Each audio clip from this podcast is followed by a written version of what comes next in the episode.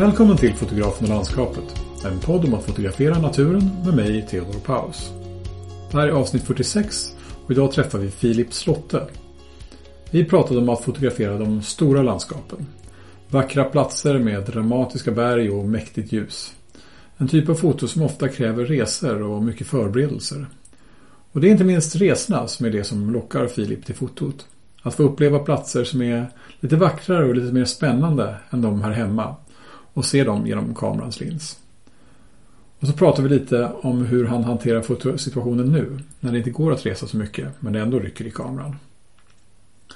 För egen del har jag nyligen gjort något som jag gärna uppmanar fler av er att göra. Jag har köpt två printade landskapsfotografier från tidigare poddgäster. Det är dels en ganska mörk bild av ett snårigt buskliknande träd i USA taget av Patrik Larsson. Och sen så är det en dramatisk kustbild från Kullaberg tagen av Fredrik Bo. De sitter nu mycket fint ramade på väggen här i mitt arbetsrum. Även om många av oss som fotograferar naturen gör det mest för vår egen skull så är det ändå något speciellt att köpa en bild av en fotograf som man uppskattar. Dels för att en fin bild är fin på väggen såklart men också för att visa att man värdesätter duktiga människors arbete. Att man inte tar det för självklart och gratis. I en tid när vi är vana vid att bilder kommer till oss hela tiden i en aldrig sinande ström är det något speciellt att säga att den här tycker jag något alldeles extra om. Den är jag beredd att betala en liten slant för. För att få den i stort och högupplöst format och för att ge den lilla ersättningen till den fotografen som tagit bilden.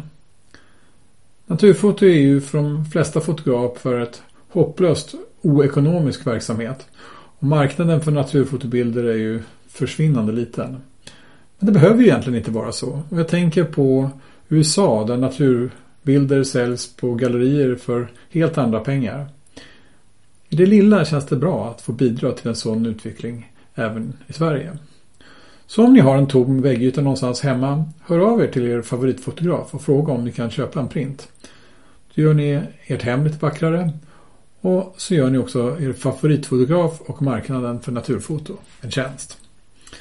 Ta gärna kontakt med mig på sociala medier och berätta vad ni tycker om den här podden. Jag finns på Instagram och på Facebook. Gå gärna med i Facebookgruppen för podden också. Där berättar jag om kommande gäster och vi fortsätter samtalen mellan avsnitten. Länkar till mina konton, till Facebookgruppen och till Filip Slottes bilder finns i anteckningarna till det här poddavsnittet. Och om du gillar den här podden och vill höra fler avsnitt, glöm inte att prenumerera i din poddspelare så missar du inget avsnitt. Men nu, låt oss börja dagens avsnitt. Välkommen till fotografen och landskapet Filip Slotte. Tack så jättemycket. Roligt att ha dig med. Vi, eh, vi pratar med eh, Nynäshamn nu va? Visst gör vi så? Precis, det stämmer. Strax söder om Stockholm. Jag tror att vi har båda varit där och fotograferat. Uh, i, uh, jag har varit i alla fall ett par gånger i de här um, trakterna som jag vet att du har fotograferat också. Det här uh, spännande grottan där i, vad heter det nu igen? just det, Knappelskär. Knappelskär. På Lövhagen. Ja. Precis. Ja, det är en häftig plats. en lite annorlunda plats mot vad man annars kanske, kanske ser från svenska motiv liksom. Ja, den finns, det finns nästan något internationellt över den där äh, grottan. Liksom. Den, den, man tänker att den kunde finnas någonstans i, jag vet inte, någon dramatisk... Eh... Ja, typ Grekland eller någonting med... Jag har fått många kommentarer faktiskt om det, att eh, folk är lite förvånade att det är i Sverige faktiskt. Så att, det är ja. lite annorlunda. Ja, precis. Det är, det är liksom ett öppet hav och så, så skär eh, in i den där halvön där. Liksom. Jag tror jag nämnt den i andra avsnitt också. Ja. Um, det är väl egentligen inte en hel, eh, en riktig grotta kan man väl inte säga egentligen. Det, det går inte, man får ju krypa in ganska långt för att få eh, liksom, tak över huvudet liksom. Annars ja, är den ganska öppen liksom. Så att... det, det, är väl mer som en spricka som liksom på något sätt har sköljts ja, precis. upp av årtusendets vågor liksom. Ja, alltså jag fick krypa in ganska långt där för att hitta den där vinkeln som jag tog på den bilden då. Ja, just det. Jag, jag, tänkte på det. Det är alltid roligt när man ser hur någon annan har tagit en bild på samma plats som man själv också har fotograferat. Du, liksom, du måste verkligen ha krypit långt, långt in i den där äh, grottan för att få det, det utsnittet som du fick. Jag, jag var längre fram i mynningen vill jag minnas. Det blev Precis. annorlunda. Ja, nej men jag kröp in så långt jag bara kunde där och eh, står väl liksom ihopkrympt med armarna och eh, kameran är väl precis längs eh, väggen liksom. Längs Smetad längs bortre väggen på Precis. man får, för att hitta de där lite unika vinklarna så får man ju anstränga sig lite. Så att, eh, nej, jag kröp in där och eh, nej, men det var en fin soluppgång också med jättemycket färger och fint ljus. Så att, mm. eh, nej, det har varit en bra bild. ja, vad kul. Ja, den, den, får ni titta på på, på din... Den ligger på din Instagram, va? Visst är det så? Precis, ja. Ja, du... Ehm, för du brukar fotografera rätt mycket utomlands. Ja, majoriteten av alla mina bilder är ju från andra länder då liksom. Så att, eh, men jag fotar också här i Sverige, men eh, jag försöker... Eh, jag har en stor passion för att resa och upptäcka nya ställen och eh, sen hittar jag mycket inspiration från eh, sociala medier och sånt där också. Så att eh, eh blir inspirerad av dem och vill se de här platserna som är liksom dramatiska och stora och eh, ja, men jag tycker det är häftigt och eh, nej, det eh, ja men precis, resa och fotandet är en stor passion för mig så att eh, ja, du är inne på, du, du nämner ord själv som jag, som slår mig när jag när jag tittar på dina bilder så är ju liksom så här stort och dramatiskt är det jag tänker på. Ja, liksom precis. Stora landskap och mycket, gärna mycket dramatiska berg och liksom... Uh, hur, hur, skulle du själv beskriva ditt foto? Ja, men det är mycket så.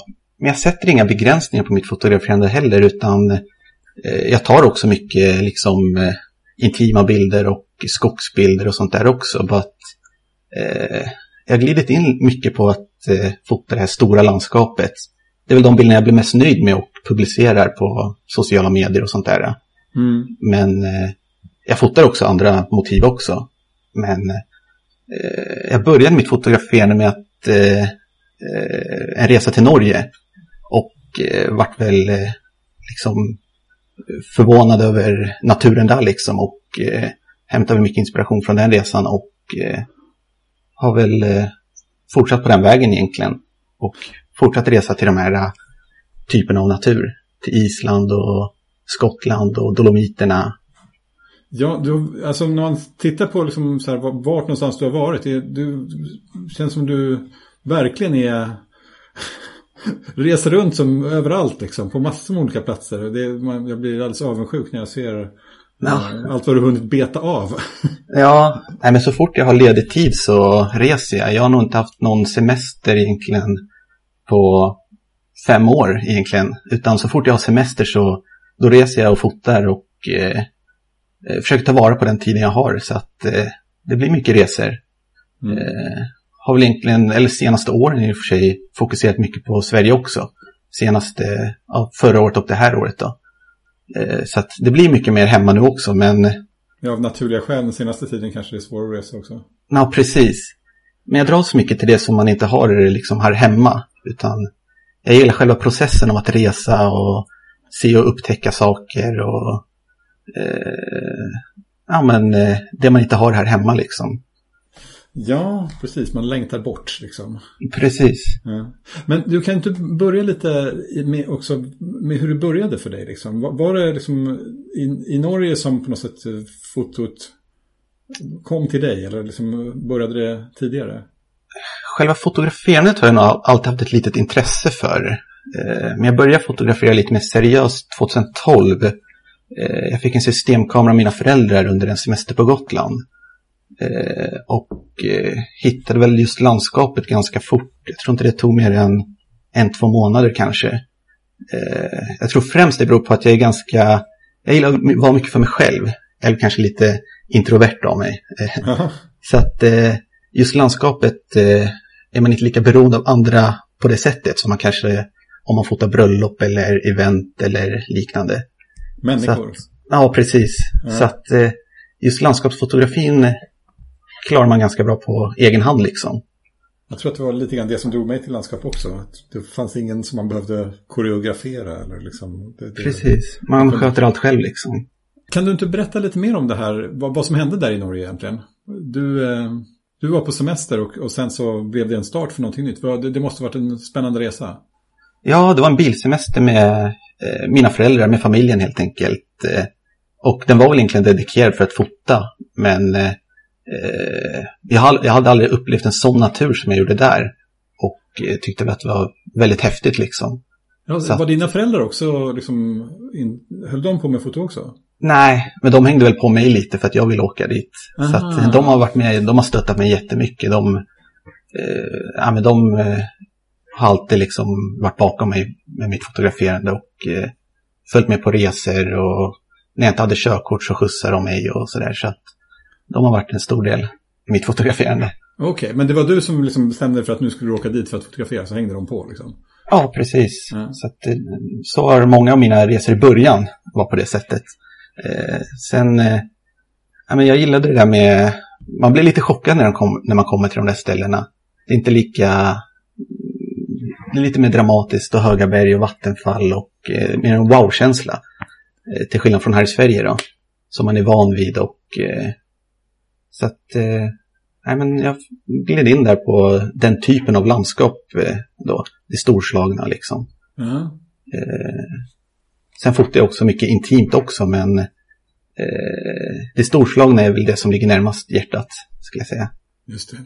Och, och, och sen så, vart, vart det liksom en naturlig... Blev det liksom resefotograferande som blev grejen? Liksom att du sökte dig till platser som var dramatiska på det sättet? Ja, det blev nog det. Jag började med den här första resan var väl 2013 och eh, jag har väl egentligen fortsatt på samma väg. Tar fortfarande liksom det här storslagna landskapet och det har gått sju år nu så att eh, eh det fastnade för mig direkt skulle jag säga. Eh, fick mer smak för det och eh, har väl eh, rest runt mycket i Norge framförallt och men även till Island, Skottland, Dolomiterna, eh, ja de här klassiska ställena. Eh, ja, precis. Ja, det, du, du rör dig ju liksom i, eh, eh och som du själv säger, klassisk mark liksom. Eh, för, för, för landskapsfoto. Eh, har, har det, var det något särskilt skäl till att du valde det liksom? Eh, eller har du liksom ehm, velat besöka platser som har varit liksom, ja, men klassiska på det sättet? Eller har, du, har det varit liksom en av drivkrafterna?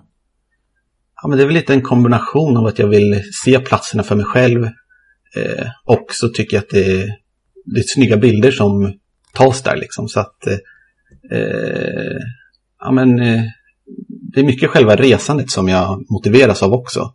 Eh, för att jag vill se platserna för mig själv. Sen, alltså, eh, oberoende av kameran liksom? Nej, alltså det är ju egentligen huvudsyftet, men själva reseupplevelsen är en stor del i det hela. Så att, men jag, jag sätter inga begränsningar för mig själv, utan när jag åker till de här klassiska ställena så fotar jag också lite mer annorlunda motiv också.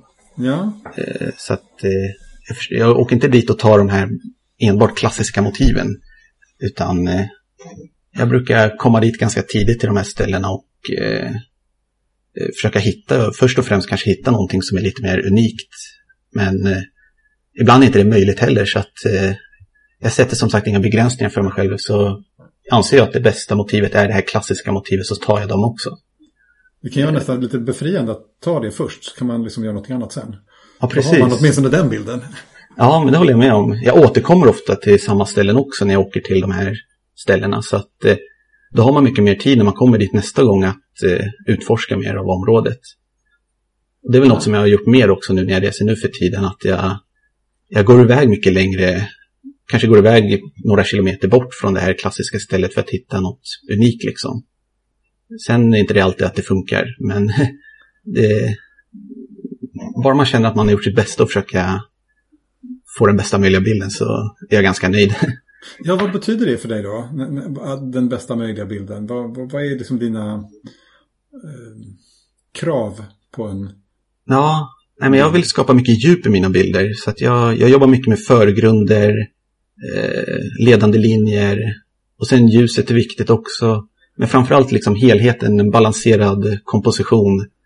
Eh, så att, eh, ja men helheten liksom. Det, jag är ganska kräsen med mina bilder så att eh, jag tar väl kanske tusen bilder men kommer hem med kanske tio bilder. Så att det är ganska eh, jag har ganska många kriterier i mitt huvud liksom för Berätta, vilka är de? ja, men det, men det handlar mycket om känsla tycker jag. Eh, att eh, det ska kännas som att man är där nästan när man ser på mina bilder. Mm. Med ljuset som skapar lite mer djup i bilden och eh, ja, men som jag sa att jag jobbar mycket med ledande linjer så att man ska dras in i bilden. Så att ja, men helheten liksom med fint ljus och komposition och allt det där. Mm. Är, det, är det viktigt att det är vackert? Ja, men känslan är viktigare för mig faktiskt. Eh, sen, eh, jag tar inte bilder för något visst syfte eller för att eh, liksom, det ska föreställa något specifikt föremål eller det ska inte vara på ett specifikt sätt utan jag vill att bilderna ska, man ska få en känsla när man kollar på bilden, man ska vilja vara där liksom och eh, känslan är viktigare än själva vad det är man fotar liksom. Ja, ja precis. Eh, man ska vilja vara där säger du. Liksom det, att det, man ska liksom, den som ser bilden ska känna att det, inte bara att man är där utan att man vill vara där också. Eller? Är det ja, precis. Nej, men jag tycker det, det är kul att kunna inspirera andra. Kanske resa mer eller gå ut i naturen mer och upptäcka. Så att eh, när jag ser bilder, kollar tillbaka på mina bilder så längtar jag tillbaka dit ibland och det är ganska bra betyg också om folk får den känslan att de vill vara där. Att de eh, ja, men, man kan inspirera folk på det sättet. Just det. Och, och, och, när du förbereder de här resorna som, som, du gör till olika platser, hur går det till? Liksom, vad är det som du ser framför dig? Liksom, eller hur lägger du upp din planering liksom, för att få de bilderna du vill ha? Ja, jag börjar hemma redan så att eh, jag hämtar mycket inspiration från Instagram och olika sociala medier. Eh, och så har jag en ganska stor lista på min dator med platser som jag vill besöka då. Okej. Okay. eh, jag brukar skriva upp dem där när jag ser något ställe som jag tycker ser häftigt ut som jag gärna vill se liksom. Och eh, när det börjar bli dags att boka in och resa så brukar jag gå igenom den listan och eh, eh välja ett resmål då med, som har mycket eh, fotomöjligheter. Så att då blir det oftast de här klassiska Island eller Dolomiterna. De här. Så att eh, sen delar jag upp, eh, jag brukar kolla ut de här platserna och jag brukar välja ut kanske 10-15 fotoplatser beroende på hur länge jag ska vara borta. Då. Eh, och eh, kollar ut eh, vilken plats som är mest lämplig för soluppgång och vilken plats som är mest lämplig för solnedgång. Så jag har upp ett litet schema. Så att första dagen jag kommer så vet jag ungefär vart jag ska fota solnedgången. Och dagen efter så vet jag vart jag ska fota soluppgången och så vidare. Uh -huh. eh, så det, det, det, är då du fotograferar? Liksom. Ja, precis. Mm. Men det är mycket planering inför mina bilder också. Så att jag tycker det är ganska skönt att ha någon form av plan när man kommer till de här ställena. Så att man inte behöver komma dit och stressa liksom. Så att sen när jag väl kommer till fotoplatsen då, då har jag egentligen klart själva huvudmotivet som jag har kollat ut redan innan då. Och så har jag kollat ut eh, ungefär vart solen kommer ifrån. Så att då kan jag fokusera ganska, eh, ja egentligen bara på att hitta en snygg förgrund och komposition. Mm. Så det blir lite lättare när man väljer på plats, när man har så mycket liksom planerat redan. Det är lite mer jobb inför det, men det, det brukar löna sig tycker jag. Ja, jag, jag antar att det, det, det är liksom lite svårt att visualisera det när man sitter hemma vid datorn liksom. Ehm, Precis. Men, äh... ja, men eh, det är därför också när jag väl kommer till de här platserna så jag brukar alltid komma kanske två timmar innan själva fototillfället då. Eh, och gå runt och gå iväg lite grann och krypa och klättra. Och, så att jag utforskar liksom hela området. Eh, så att jag kan hitta något fint motiv liksom. Eh, så att det är svårt att hitta liksom de här förgrunderna via en karta på datorn. Det är lite svårt. Ja, precis. Så att, ja, men kommer man tidigt så har man tid för det att utforska lite mer. Mm. Och, och, och, och, när du har hittat det som du vill avbilda då, liksom, som du vill ta din bild av. Då är, har du liksom en tanke då om hur den ska se ut? Eller är det, blir det mer där och då som den bilden bestäms? Det blir mycket där och då. Jag har inget liksom... Eh, jag har ju liksom en grund som jag brukar gå efter eller ett sätt att fotografera på som jag brukar följa och det är att skapa djup i bilden och sådär. Så att eh, Eh, det är den typen av bilder som jag gillar att fota. Så att eh, eh det enda tänket jag har egentligen att skapa ett djup i bilden. Ja. Eh, Vad är dina knep för att få till det? Ja, men det, ljuset är ju väldigt viktigt på det sättet då. Och eh, kompositionen. Eh, ljuset bidrar lite med djup i bilden och sen, men det absolut viktigaste för mig är kompositionen. Eh, att gå väldigt nära marken. Så att jag brukar ha stativet nästan så långt ner det bara går på marken. Eh, och ibland kanske använder långa slutartider för att eh, få de här dragen i målen till exempel som kanske kan dra in en i bilden och eh, eh, ja, ledande linjer och går man väldigt nära förgrunden så kan man få ganska fint djup i bilden. Ja, särskilt om man har kort, vad heter det, alltså kort brännvidd. Mm. Ja, precis. Ja. Ja, Okej, okay, så det, det, men det här är ju på något sätt liksom lite klassiska grepp också för att, för att få till den där typen av djup liksom med linjer och, och, och liksom formande ljus tidigt på morgonen och, och så. Eh, mm. När du liksom tar en, en bild på en, en ganska välfotograferad plats liksom, och så, så försöker du hitta ja, antingen, du som du säger, antingen så kan man ta bilden som kanske andra har tagit tidigare.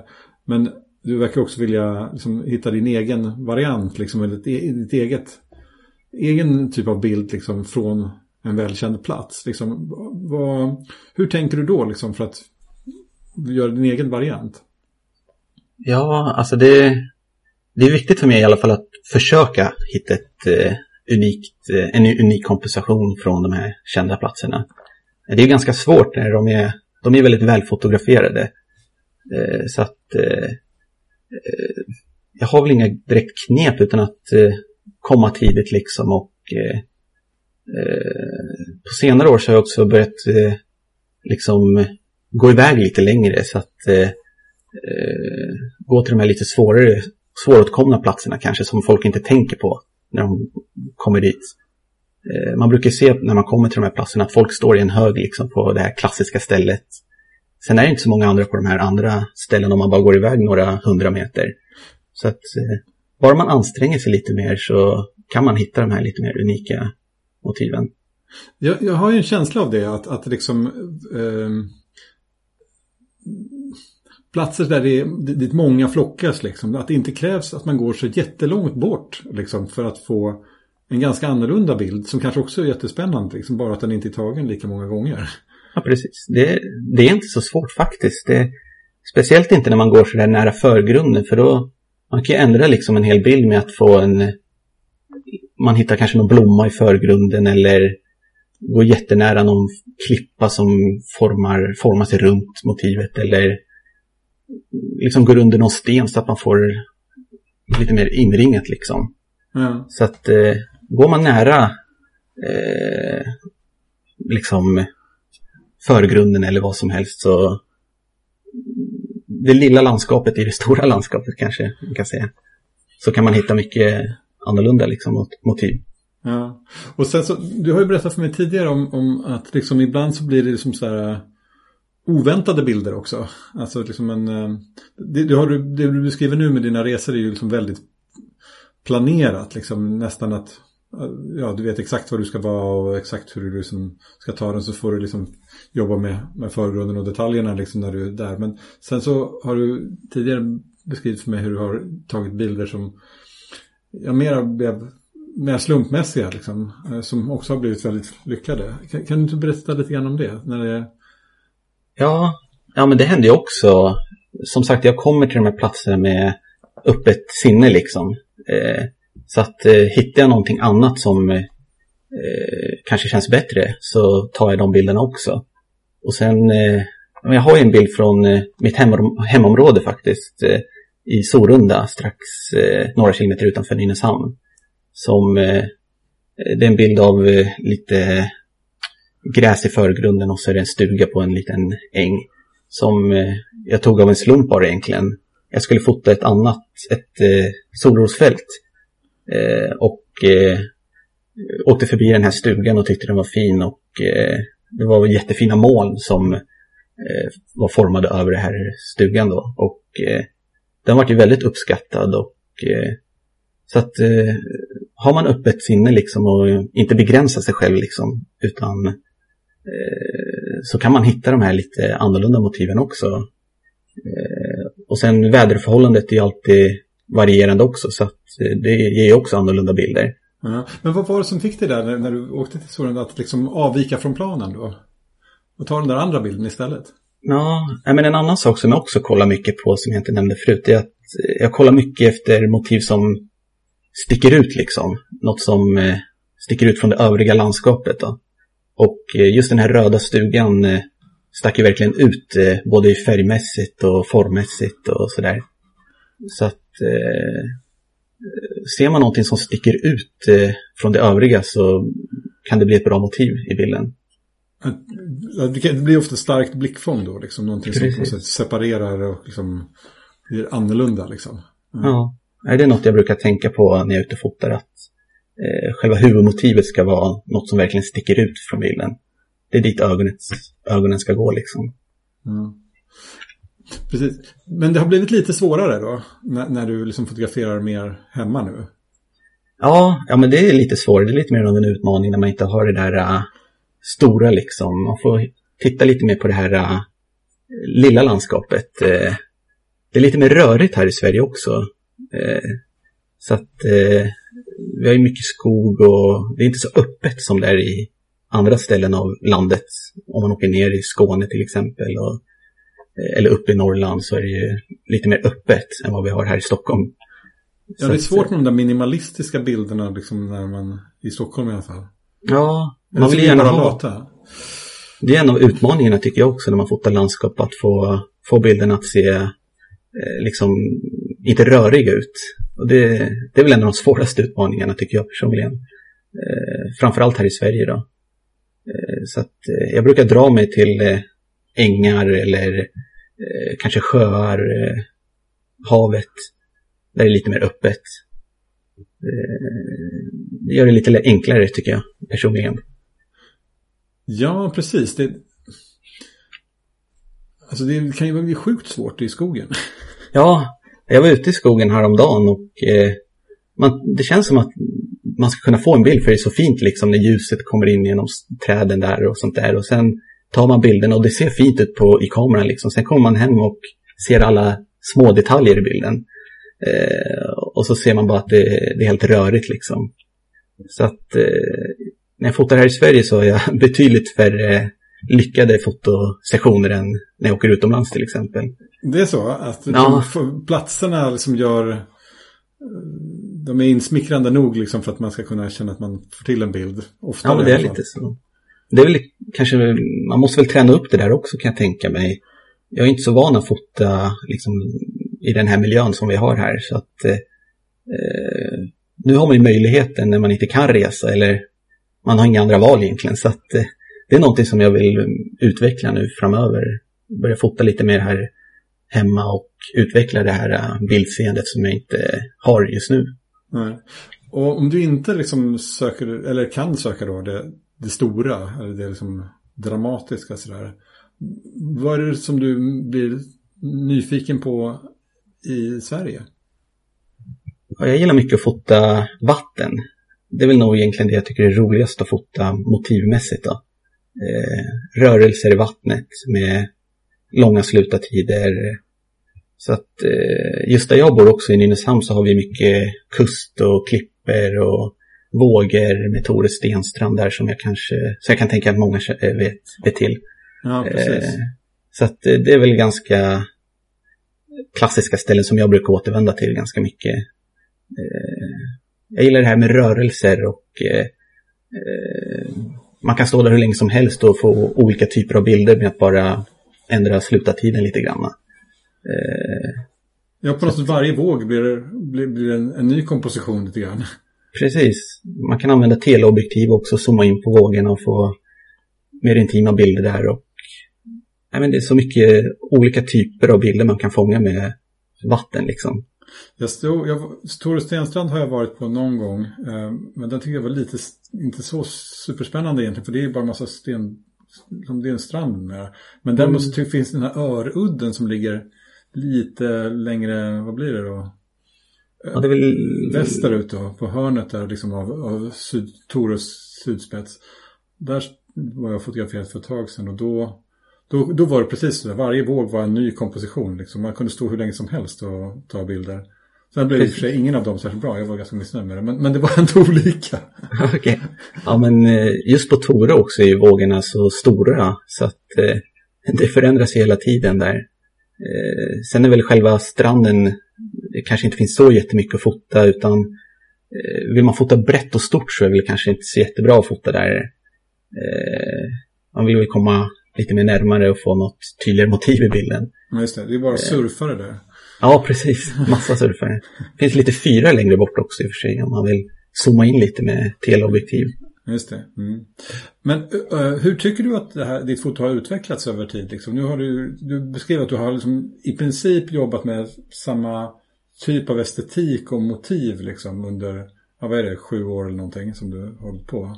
Eh, men tycker du att du, är det några särskilda saker som du tycker att du har lärt dig eller utvecklats med? Mm, jag tror själva fotograferandet har kanske inte ändrats jättemycket. Men eh, mitt tänk har nog förändrats ganska mycket. I början så påverkades jag mycket av liksom väder och eh, mm, olika typer av förhållanden och sådär. Eh, jag har lärt mig lite mer att se större liksom. Är det mulet så kan jag ta bilder ändå, bara att bilderna blir lite mer dramatiska, vilket jag gillar. Eh, förut var det mer att jag bara fotade vackert ljus och sådär. Eh, och förut när jag reste iväg sådär så kunde jag bli väldigt besviken om man åkte iväg en vecka och bara fick skitväder.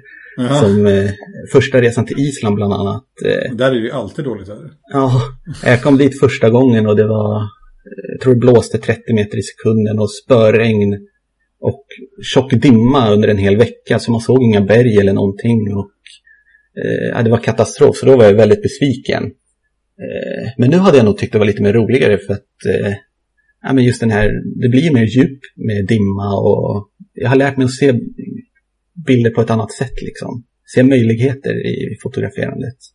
Alltså, de flesta och, brukar vara jättetacksamma när de får dimma. Ja, precis. Ja, men, det... kanske inte när man ska fotografera bergen i bakgrunden. Precis, i Sverige är det nog perfekt med dimma. Ja. Eh, men sen eh, också det här, ja, lite ett annat tänk nu för tiden. Jag blir inte så besviken längre utan så länge jag har gjort mitt bästa så, så är jag nöjd liksom.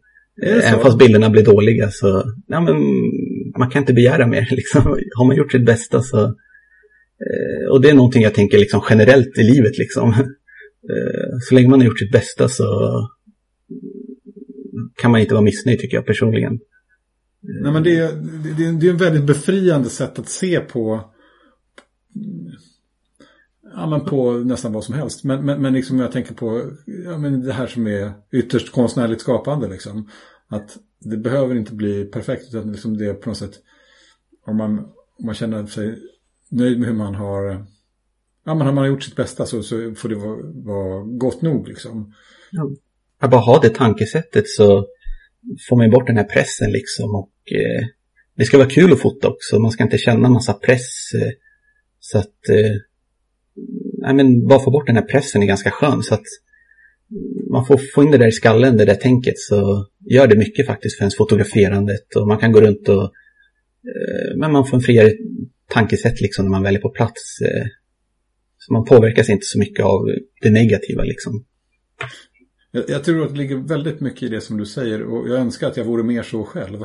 Jag känner ofta att det där liksom prestationskravet kommer in när man liksom känner att man har gått runt och inte får till det liksom och sen så um, känner man hur liksom, mörkret kommer allt närmare och snart det går inte att ta några bilder alls liksom. Det, det är en ja, då gäller det att ha den där rätta attityden liksom så att nej, liksom, nu har jag gjort det bästa jag kan av den här, de förutsättningar som, som var nu liksom.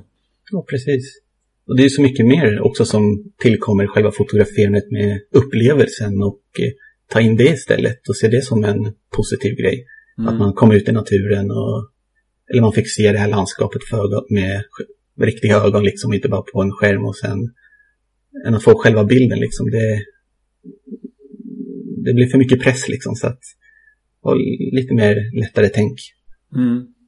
Ja, precis. Men du var ju också inne på när det gäller det här med resor och upplevelser också att eh, du har liksom velat göra, och du var inne på det tidigare, ta dig till platser som kräver lite mer ansträngning för att ta sig till. Liksom. Att det är mera strapatsrikt liksom. Kan, kan du berätta lite grann mer om det? Ja, ja men det är väl eh, något som jag vill utveckla framöver då. Eh, ta de här lite mer omöjliga bilderna eller svårtagna bilderna. Eh, kanske klättra lite mer på berg och tälta ute mitt i ingenstans där ingen annan har varit tidigare. Och, eh, eh men jag vill komma ifrån lite det här också, att ta de här klassiska motiven. Så att eh, även fast jag tycker det är kul, jag kommer garanterat att fortsätta åka till de här ställena. Men eh, när man har tid så skulle jag vilja lägga mer tid på att vandra och klättra berg och sådär. Så att jag var på en resa på Senja. Ja, eh, som, i och för sig, som i och för sig är ganska populärt resmål då, men eh, då tog jag med ett tält och jag har aldrig tältat förut. Eh, så jag köpte ett enmannatält och eh, bestämde mig för att åka dit och så gick jag upp på de här uh, husfjället heter de och segla och tältade liksom där uppe nära toppen. Mm. Uh, och det var väl liksom ett sätt för mig kanske att träna på det här då, så att jag ska kunna göra det mer i framtiden. Uh, och när man väl sover där på plats så det blir lättare, man behöver inte åka iväg på morgonen och förbereda sig utan man kan gå upp på morgonen och ta bilder. För man sov ju precis intill fotoplatsen. Eh, och det underlättar väldigt mycket faktiskt. Eh, det kan ta emot lite när man går upp på morgonen och ska ut och fota och man ska åka iväg med bilen 30 minuter. Så att, det är ganska skönt att kunna sova precis intill fotoplatsen. Sen, ja, jag blir själv fascinerad av sådana här bilder som man ser när folk har verkligen ansträngt sig och gått upp på berg och liksom tagit de här svårtagna bilderna. Eh, sånt blir jag inspirerad av. Ja, det, det, då blir det liksom på något sätt berättelsen kring bilden också intressant. Ja, precis. Som... Ligger lite mer bakgrund, eh, bakom det liksom. Ja. Eh, och man har lite mer att skriva om bilden också. Man kan skriva lite mer historier om bilden och de som betraktar bilden får nog lite mer förståelse också. Än när man tar rakt framifrån på ett vanligt klassiskt motiv. Ja. Men du, du är aldrig nervös liksom när du är på sådana här, alltså jag hade ju tyckt det var sjukt läskigt att vara, eh, sova ensam högst upp på ett berg. Ja, nej jag, jag är faktiskt inte rädd av mig faktiskt. Eh, jag är van också av att liksom göra saker själv liksom så att eh, just den där resan så åkte jag själv också så att jag tältade där uppe ensam och vandrade och så att, eh, jag är ganska självständig av mig. Så jag tror jag har lärt mig att inte vara rädd för saker och ting. Av, av det liksom. Du har skaffat en cool bil också har jag förstått. Ja just det, ja precis. Jag, jag jobbade på ett företag förut som la ner. Eh, så att jag fick massa tid över när jag inte hade något jobb. Och skulle egentligen ta vara det, på den tiden med att resa under en månads tid. Men på grund av coronan då så var inte det möjligt. Så att då, då byggde jag en liten eh, husbil kan man säga. En Nissan NV200. En väldigt liten bil men funkar perfekt för att åka iväg med kortare turer, längre turer också. Så att, eh, men den är liksom lite... hem, vad ska jag säga, vinterbonad om man säger man, man kan sova och köra till dit man vill fotografera, sova där och liksom ta bilden direkt liksom. Ja, precis. Så att eh, den har ju egentligen allt man behöver. Den har säng och batteri som man kan ladda kamerabatterier och så nästa steg där är väl att installera någon form av värmare, någon dieselvärmare eller någonting. Ja, ah, den är fortfarande så... kall. Ja, precis. Men nu funkar det i de här tiderna, sommartider. Men på vintern så måste man ju fixa någonting. Det är inte nästa resa till Senja med den bilen riktigt ändå? Eller? Nej, precis. Men det är en kostnadsfråga också. Det kostar mycket att bygga om och fixa sådana där saker. Så att Jo, jo såklart. Men man sparar ju lite nu när man inte kan resa så att eh, det, mm. det, kommer. Mm. Jag fick ja, lite inspiration från det där bygget eh, under en resa på Island när jag hyrde en sån här bil. Så att eh, jag tyckte det var perfekt att kunna sova liksom två minuter från fotostället. Eh, att, Jaha, du gjorde det då? Då hyrde du en sån bil så att du kunde göra när du ja, var precis. på Island? Ja, jag hyrde en sån här bil och eh, åkte runt hela Island så då slipper man det här med att man ska checka in på olika boenden och kanske att man ser att vädret ska öppna upp sig på västra delen av Island. Då kan man åka dit med bilen och sova där. Eh, så att, eh, det var den absolut bästa lösningen tycker jag för foto. Eh, om man gillar att resa och fota liksom. Mm. Man blir väldigt fri. Ja, jag är väldigt um, avundsjuk. Jag um, skulle väldigt gärna ha en sån där bil själv och göra på det sättet. Jag tror inte det.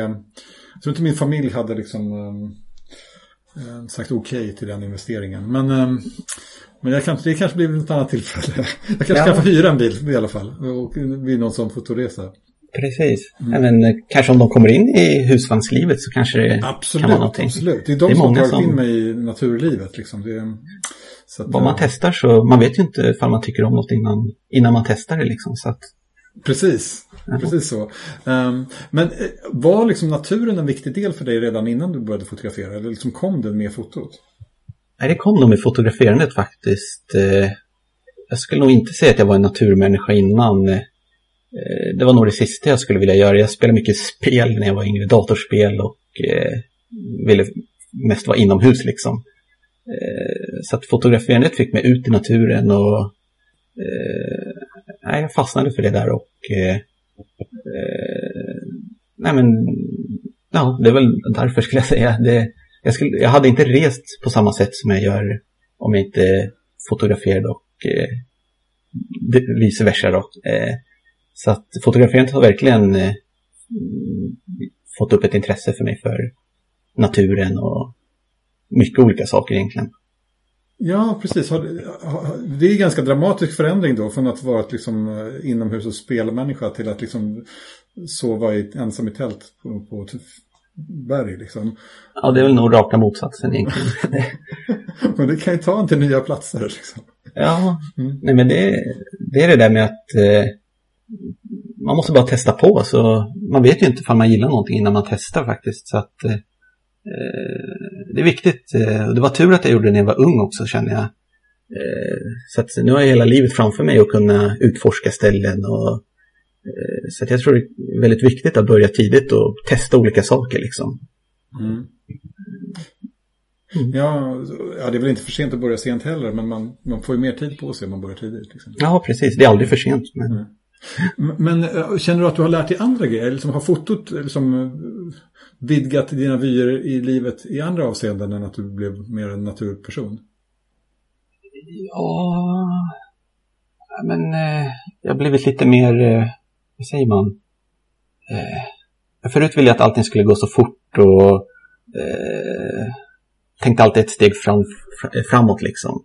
Kanske blivit lite bättre att leva i nuet, man kan inte riktigt eh, Ska man ta landskapsbilder så kan man inte det är mycket väntande liksom. Så att, ja. eh, mycket planering, man bokar resor och så måste man vänta på resan. Och väl på plats så ska man vänta på solnedgången. Och, eh, det är mycket väntande landskapsfotografin. Så att eh, eh, blivit lite lugnare på det sättet kanske. Eh, och eh, nej men eh, sen själva resandet som jag gör ihop med fotograferandet då.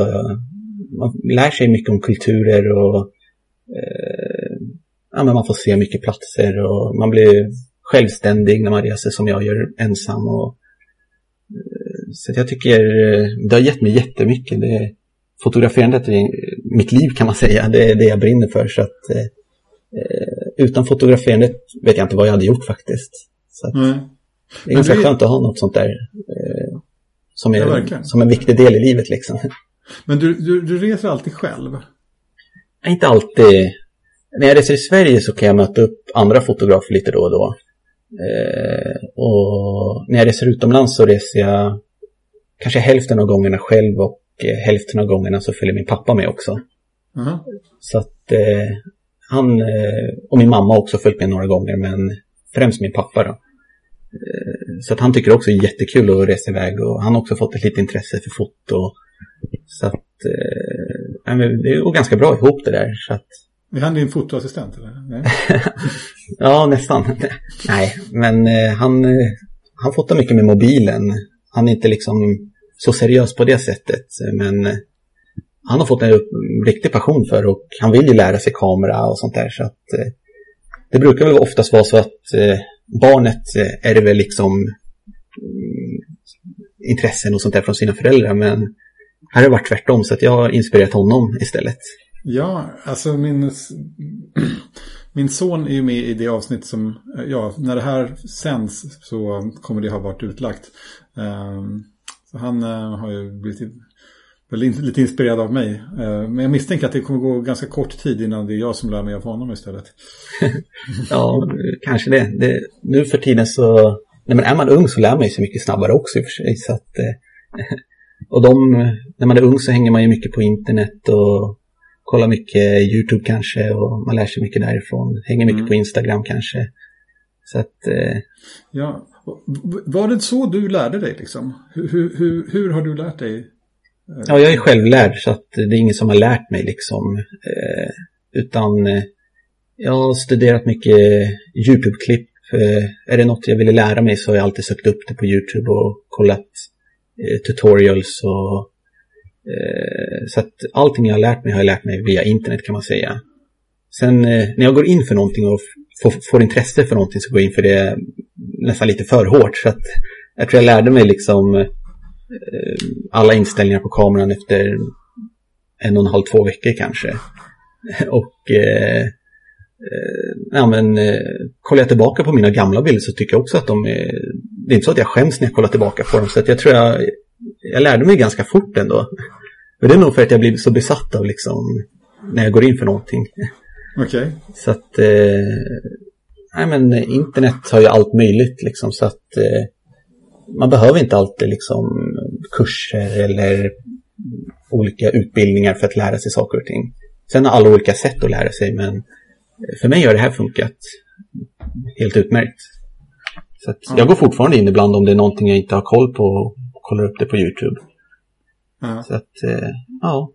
Det finns verkligen otroligt mycket kunskap. Alltså, liksom, eh, det, det, det är knappt så att man vill liksom söka upp um, vad heter det, manualen för sin kamera längre. För att det är snabbare och bättre att titta på någon annan som beskriver hur man egentligen ska göra. Ja, man ska nog vara tacksam att man eh, lever den här tiden. När allt finns liksom så lättillgängligt. Eh, till skillnad från förr då. Jag vet inte riktigt hur man lärde sig då allting. Men då kanske det också var lite mer att eh, man gick, utgick mer från sig själv kanske. Man ser ju mycket repetition, repetitioner i bilder på grund av sociala medier och sånt ja. där. Eh, så på ett sätt kanske det är lite negativt.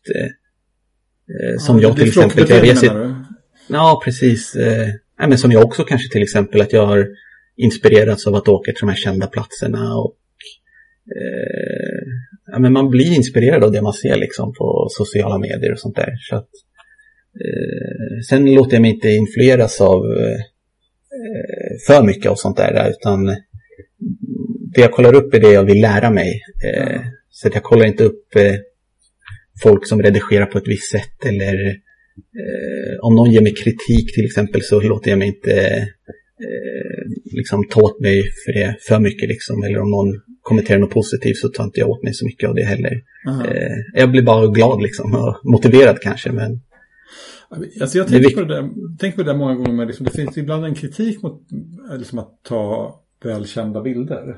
Att liksom, eh, men jag tänker inom måleri till exempel, då är det ju liksom en klassisk sätt att lära sig att måla. Det är ju att kopiera mästares verk. Liksom. Man ställer sig och så, så, så ska man måla så exakt likadant liksom, som någon annan har målat tidigare liksom, för att lära sig hur man kan måla på det sättet. Men inom foto så finns det inte riktigt lika mycket cred i att lära sig på det sättet. Utan där, ska, där finns det någon form av... Um, ja, det finns någonting som säger att man ska liksom bara ta sin helt egna bild direkt liksom. Uh, ja ja men jag, jag har också svårt för det där med att eh, man ser ju ibland, jag får väldigt sällan kritik eh, sådär, men ibland kan jag se någon kommentar om att om man har sett den här platsen flera gånger innan. Men man vet ju inte vilket stadie de är i sitt fotograferande eller varför de tar det där motivet. De kanske bara älskar upplevelsen av att se den här platsen liksom och blir bara glada om de får med sig en bild därifrån. Eh, så det är svårt att ge kritik av den anledningen tycker jag. Ja, jag tycker också det som du var inne på tidigare att liksom, fotot kan fylla olika funktioner. Om man är väldigt intresserad av upplevelsen då kanske det inte spelar jättestor roll om man kommer därifrån med en bild som kanske såg lite grann ut som andra bilder därifrån har sett ut. Nej, eh, precis. Eh, Men eh, så att mm, jag har tänkt på det där en del. Ja. Um, är det något men... jag tänker på också mycket faktiskt. Det är viktigt att man fotar det man tycker är kul och inte vad andra säger spelar egentligen ingen roll överhuvudtaget i fotografin tycker jag personligen.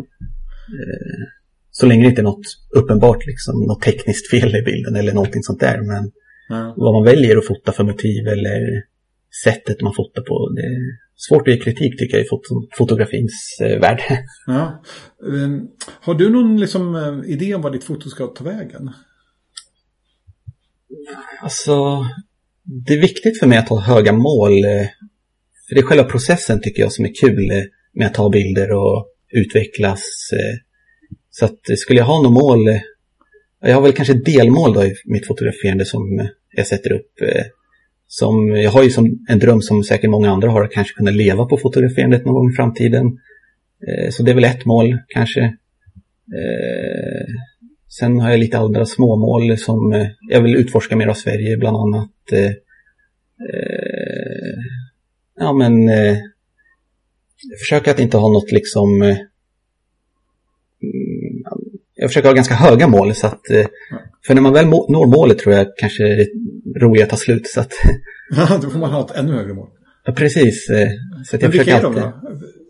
Vilka är dina höga mål nu i, i, idag? Eh, idag eh, är det väl att kanske kunna tjäna lite pengar på fotograferandet så jag kan eh, nå ut med mina bilder lite mer och kanske kunna leva på det i framtiden. Och eh, sen eh, tycker jag det är kul att eh, lära ut eh, det jag har lärt mig. Så att jag vill börja starta någon form av YouTube-kanal kanske.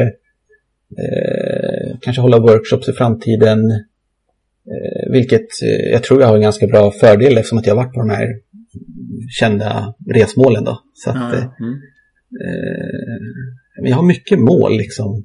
Aha. Men själva fotograferandet, det där är väl kanske lite mer runt om fotograferandet. Men eh, mitt egna fotograferande kanske jag vill mer ja, men ta de här svårtagna bilderna som jag nämnde tidigare.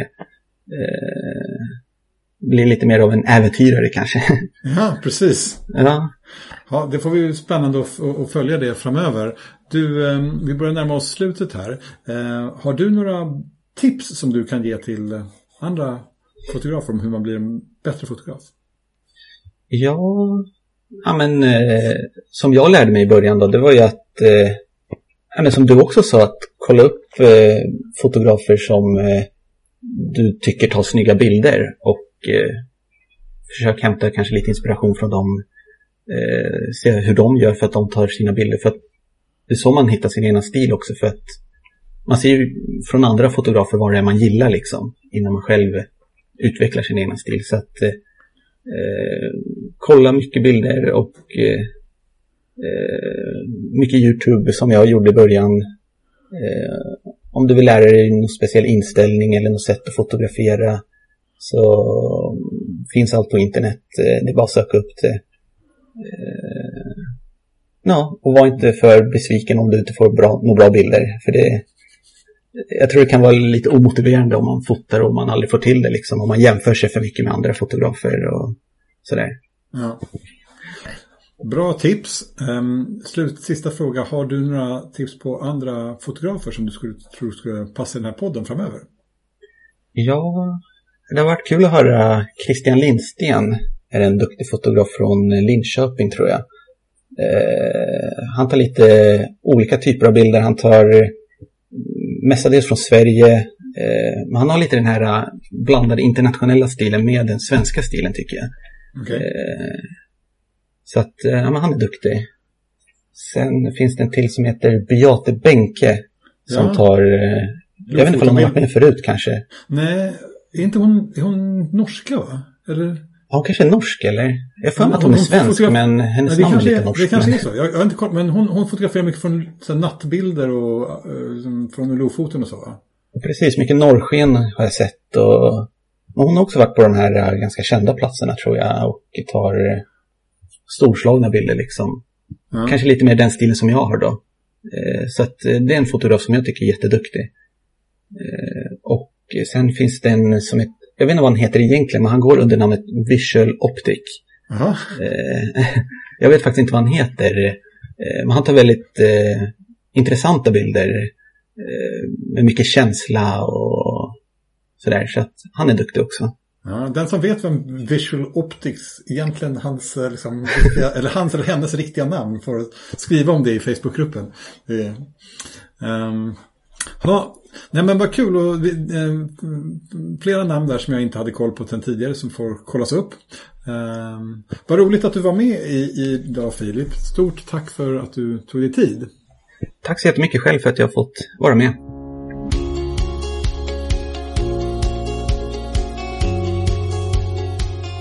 Och tack även till dig som lyssnat på det här avsnittet av Fotografen och landskapet. Om två veckor kommer nästa avsnitt av podden och det blir faktiskt sista avsnittet av Fotografen och landskapet. Ja, det är faktiskt så. Efter snart två år och 46 samtal med spännande fotografer så är det dags. Det har varit fantastiskt roligt, men allt roligt har ett slut. Men vi har alltså fortfarande ett avsnitt kvar och jag hoppas att det ska kunna bli en värdig avslutning. Tveka inte att höra av dig om du har tankar och idéer om podden. Utan länkar till mina konton på Facebook och Instagram i anteckningarna till det här avsnittet. Där hittar du också länkar till Facebookgruppen för podden, länkar till Filip Slottes bilder och länkar till de fotografer som han tipsade om i slutet av avsnittet. Och det var allt för idag. Vi hörs igen en sista gång om två veckor.